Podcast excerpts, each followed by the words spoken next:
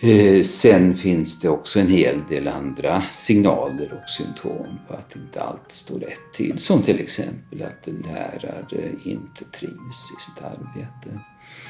Att eh, lärarutbildningen inte är attraktiv. Att lärarprofessionen inte längre har den attraktivitet som ett drömyrke som den hade för inte så väldigt länge sedan. Välkommen till Natur och kulturs podcast Akademiska kvarten. I den här podden ger vi dig en akademisk kvart med tongivande personer som har något viktigt att säga om svensk utbildning.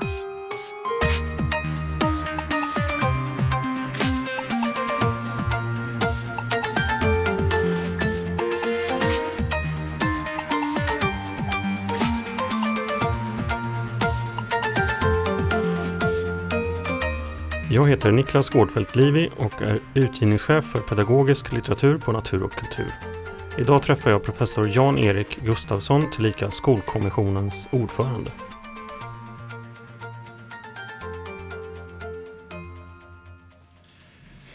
Idag sitter vi på Göteborgs universitet, eh, närmare bestämt på Pedagogen i ett soligt Göteborg. Eh, och idag ska vi träffa seniora professorn Jan-Erik Gustafsson. Skulle du kunna säga några ord om vem du är och hur du hamnade i den här positionen som du är i just nu? Eh, ja, jag är ju senior professor och det kan man också översätta med avdankad professor. Att jag har gått i pension, vilket jag gjorde för snart ett år sedan. Eh, men annars har jag ju då arbetat på Göteborgs universitet som forskare i pedagogik i hela mitt yrkesliv. Jag har egentligen inte haft någon annan anställning utan lite feriearbete när jag gick i gymnasieskolan. Eh, och eh, jag har ju då sysslat med, med en typ av forskning som inte egentligen kanske har varit i mainstream. Jag har alltid hållit mig lite grann eh, utanför och, och kanske haft mer kontakt Eh, med kollegor internationellt än, än, i Sverige därför att som sagt det har inte funnits så väldigt många forskare med liknande intressen. Eh, samtidigt så är det väl så att de frågor som jag har varit inne på har eh, successivt kommit allt mer i fokus i den, i den svenska utbildningspolitiska diskussionen. Det handlar ju bland annat om kunskapsresultatsutveckling. Det handlar om olika determinanter Center för kunskaper och färdigheter där jag både har tittat på systemfaktorer och individuella faktorer och eh, sociala faktorer. Eh, och eh, det var väl kanske så att den forskningsinriktningen och den, de publikationer jag har skrivit var det som meriterade mig att bli en av ledamöterna i Skolkommissionen. Eh, när den tillsattes i april 2015. Eh, och eh, det var väl kanske precis också den forskningsinriktningen som gjorde att jag blev tillfrågad att ta över som ordförande i kommissionen när det blev nödvändigt att göra det med anledning av att Anna Ekström blev minister i september 2016 ja, kort sammanfattning av min bakgrund och forskningsorientering. Och du är dessutom ledamot i Vetenskapsakademin? Ja, jag är ledamot i Vetenskapsakademin och eh, det är, där, där är jag ju ledamot i eh, samhällsvetarklassen som det heter. Det finns ju disciplinär organisation där.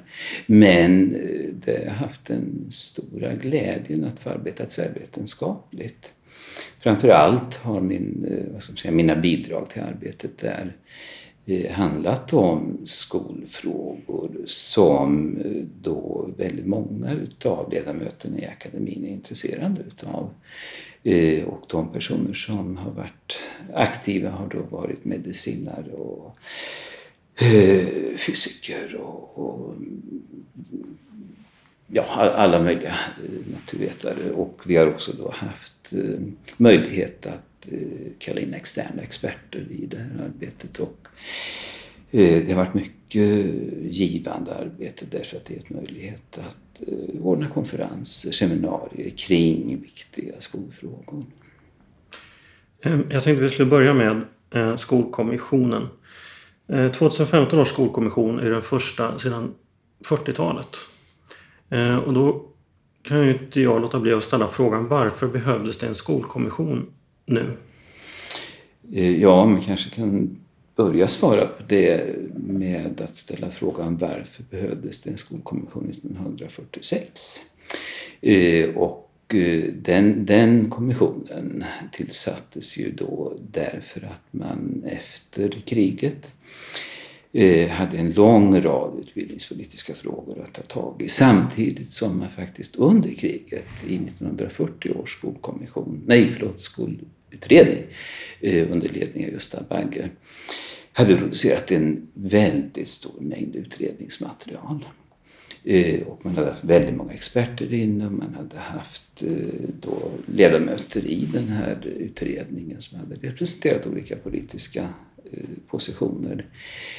Men vad man behövde ha då det var Eh, en, en kommitté, kommission som kunde integrera det man hade plockat fram i form av underlag och också värdera det här i det mer långsiktiga perspektivet. Eh, och eh, innebörden i kommission i det här sammanhanget är ju då att man tar in personer som är allmänkunniga.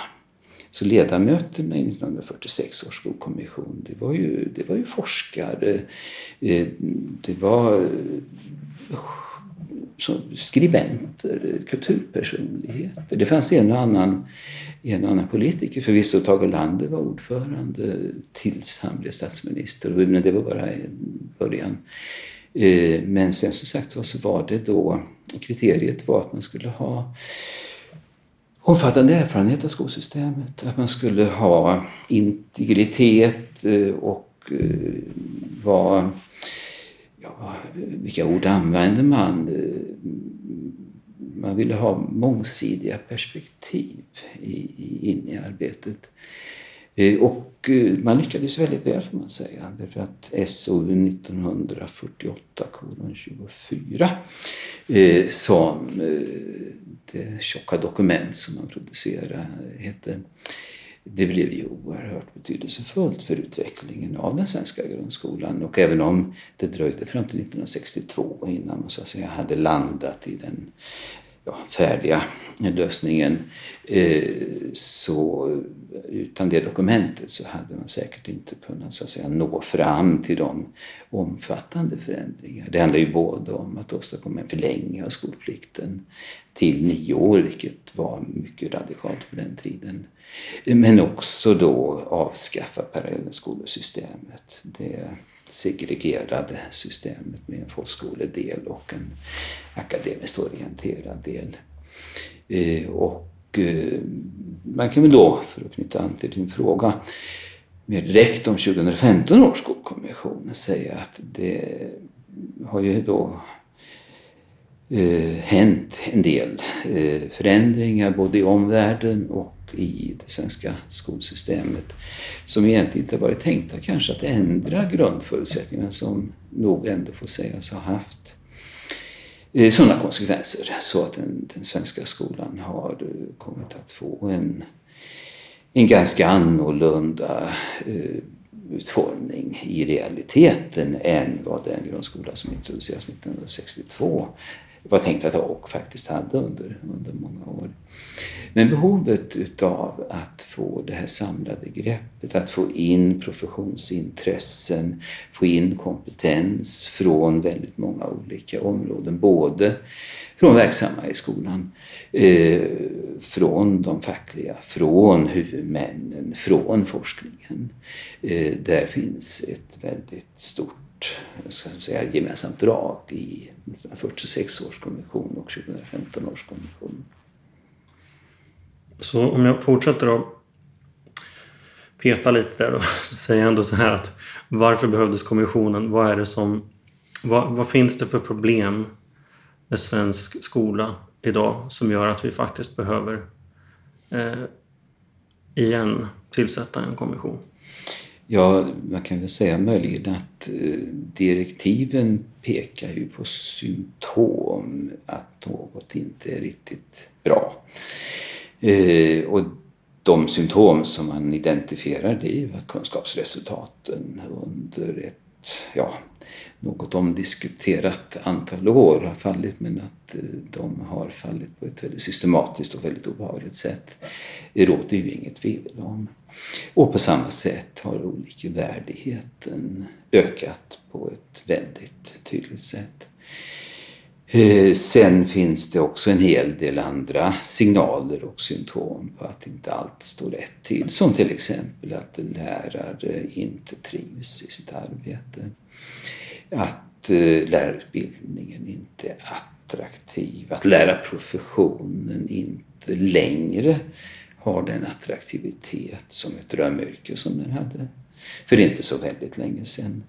Eh, och det här kan man se som en slags ja, kvalitetsproblem i den svenska skolan. Eh, men det här är ju symptomen. Det, är det som man ska råda bot på, om man säger så. Eh, och uppdraget som kommissionen hade var ju att diagnostisera orsakerna. Komma åt vad man bör göra för att vrida ut utvecklingen åt ett mer gynnsamt håll när det gäller alla tre de här symptombilderna som vi har.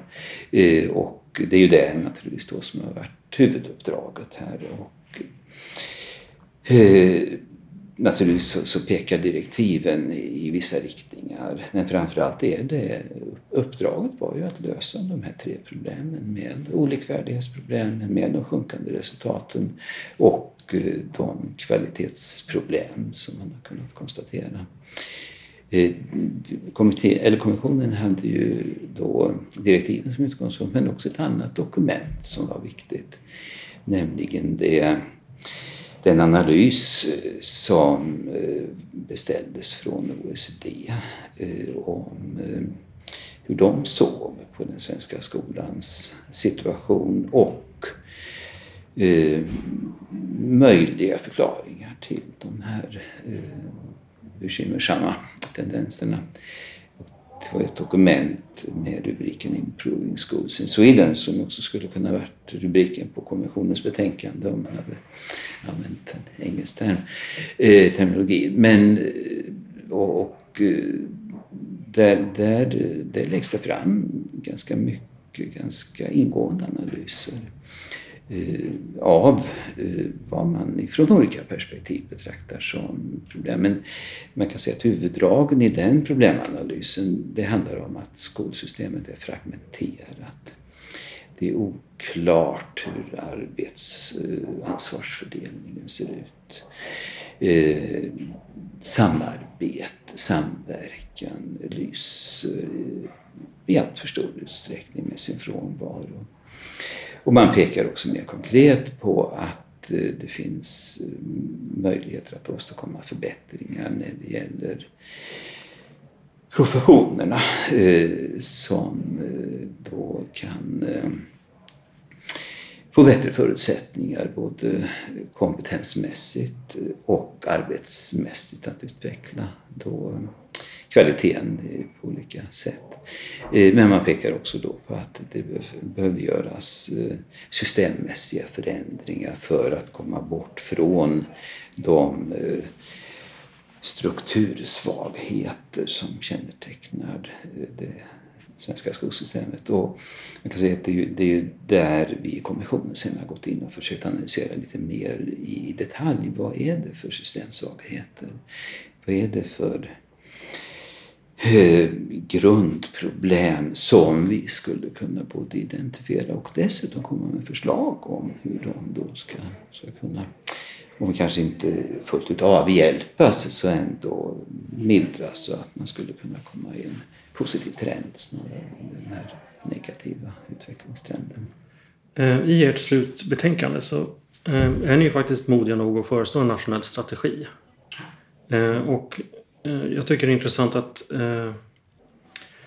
fundera på den nationella strategin, inte minst med tanke på någonting som ni poängterar och som du har poängterat till mig också i samtal att en väldigt viktig förutsättning är att vi på något sätt kan bygga in tillit i det svenska skolsystemet. Skulle du kunna förklara lite grann hur du tänker kring det där svåra, mjuka värdet tillit? Ja, eh, alltså vi, vi, identifierar ju att det finns, och det, det, är en ganska enkel analys, det finns tre huvudaktörer i det svenska skolsystemet. Eh, och det är professionerna eh, som ju då i all huvudsak utgörs av lärare och skolledare. Det finns några andra men, men det är ändå ryggraden eh, i det professionella bygge som skolan utgör. Eh, den andra huvudaktören det är ju staten som har då ett eh, huvudansvar när det gäller kvalitetsfrågor men också när det gäller stöd och utveckling. Och den tredje kategorin är ju huvudmännen, kommunerna och de enskilda huvudmännen som har utföraransvaret men också utvecklingsansvar och eh, ansvar för professionerna. Eh, och eh, i analyserna som vi har gjort så framträder då att alla tre de här huvudaktörerna har eh, möjlighet, eller det finns behov av att stärka dem genom olika systemstärkande insatser. Eh, när det gäller professionerna så pekar vi på att eh, det finns nu en splittring mellan statens ansvar som handlar om den grundläggande lärarutbildningen eh, och eh, även då på senare tid även, även rektorsutbildning. Eh, men sen att den professionella utvecklingen därefter ligger ju då på, på huvudmännens bord att ta ansvar för. Och Eh, här är ju det är ganska tydligt att se att det, det, finns en del glapp i den här konstruktionen. Eh, och vi föreslog då att man ska ha ett professionsprogram som spänner så att säga från, från den grundläggande lärarutbildningen över hela karriärgången. Eh, och det där har ju sen en lång, lång rad olika komponenter men, det, men detta är då ett exempel på en systemstärkande insats som så att säga riktar sig både till professionen men, men också ett sätt att stärka huvudmännen. Eh, vi ser ju också, och det här grundar sig också rätt mycket i den analys som OECD har gjort, eh, att eh, den roll som staten har är väldigt tillbakadragen om man jämför med andra länder. Eh, och framför allt att man har inte alls egentligen en, eh, en fokusering på stödjande och utvecklande insatser. Eh, men där menar vi då att där, skulle en, en mer tydlig regional närvaro för staten kunna göra det möjligt för staten att komma samman så att säga med professionerna och med huvudmännen och Eh, arbeta konstruktivt i samarbete eh, för att utveckla kvaliteten i verksamheten. Och eh, detta är ju ett sammanhang där då detta nyckelord tillit verkligen blir tillämpligt. För utan att man har en tillit mellan de här olika huvudaktörerna så är det svårt att komma fram så att säga och, och åstadkomma de förbättringar som, som behöver göras. Eh, det finns många andra exempel också på att man måste ha mer utav tillit mellan de här olika aktörerna. Vi vill ju ha mycket mer tydliga professionsinslag i styrningen och utvecklingen utav den svenska skolan. Som alltid så blickar man ju österut på Finland där det, både lärare och skolledare har, har betydligt mer utav inflytande över till exempel läroplansutveckling och över det lokala arbetets utformning. Eh, och eh, mer utav sådant vill vi ha. Men, men återigen utan att man har tillit till professionen och att professionen har tillit till sina huvudmän och till staten så är det svårt att åstadkomma de här förbättringarna. Jag tänkte höra, ett professionsprogram, eh, hur kommer, hur kommer det fungera om du, om du skulle få bestämma helt och hållet? Kommer det vara en rättighet eller kommer det vara en skyldighet? För jag tänker i många fall så finns ju en möjlighet till fortbildning för lärare redan idag men sen så blir det inte så mycket av den. Och om det dessutom ska kopplas till någon slags progression både titelmässigt och lönemässigt i, i kåren mm. så kan jag bli lite fundersam på, på den frågan. Har du tänkt någonting? Oh ja. vad du själv skulle, det är klart du har, men vad du själv absolut skulle vilja föredra där? Eh, alltså för det första är det ju väldigt viktigt att peka på att även om det här är tänkt att vara ett nationellt program i den meningen att det ska ha så att säga, en, en styrande inverkan som är gemensam över alla huvudmännen och, och kommunerna så är det inte fråga om ett statligt professionsprogram. Det är inte staten som ska bygga programmet. Staten ska möjligen ge ramar för arbetet med utvecklingen utav programmet. Men i allt väsentligt måste det bygga på professionerna. Och på olika intressenter naturligtvis. Alltså, det är ju självklart att lärosäten, Eh, universitet och högskolor måste vara med i det här arbetet. Det har uppfattats, tror jag, vissa att de skulle vara utestängda men, men självklart är det inte så. Eh, och, eh, men, men som sagt var, det här skapandet det måste ske på grundval utav att man gör analyser utav innebörden i utveckling i professionellt hänseende. Och här är naturligtvis internationella erfarenheter utav väldigt stor vikt. Samtidigt som jag tror inte det finns något vi kan vill eller kan kopiera liksom rakt av. Eh, vi har ju tittat lite grann på vad som finns i olika delar av världen och det finns, finns en hel del. Eh, men eh, kanske inte någonting som oförändrat så att säga kan implementeras i Sverige. Men var idégivande. givande? Eh, men sen när det här sen ska, ska tillämpas eh, då måste det ju ske på det lokala planet. Så uttolkningen av innebörden i de här olika kvalifikationsnivåerna eh, och de faktiska bedömningarna och hur man ska utforma kompetensutveckling och så, det måste ligga på det lokala planet. Och här gäller ju samma regler kan man säga som, som tidigare. Att eh, vi har arbetsmarknadspartners, parter heter det, eh, som träffar avtal. Och, och där är det inte tänkt att det ska ske några förändringar. Det, det skulle vara omöjligt att åstadkomma tror jag. Något, något som är centralt styrt eller så, utan det måste vara decentraliserat.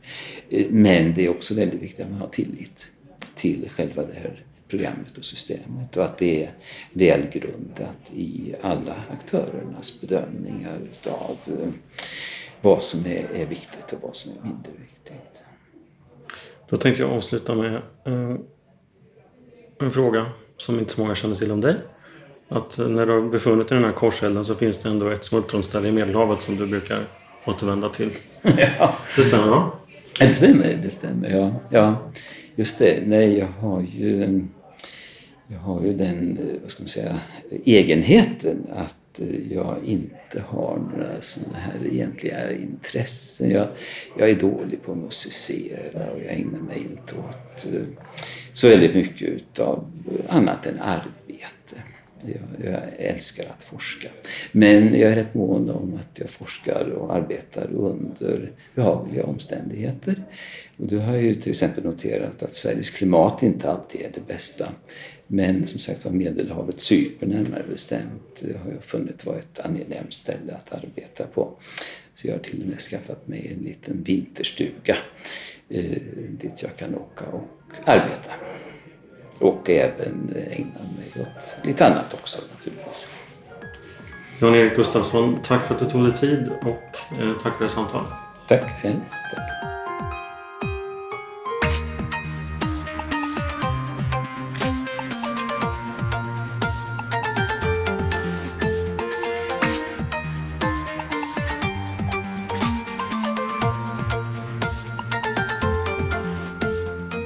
Bolaget Natur och kultur är en stiftelse som utan ägare kan agera självständigt och långsiktigt. Vårt mål är att genom stöd, inspiration, utbildning och bildning verka för tolerans, humanism och demokrati.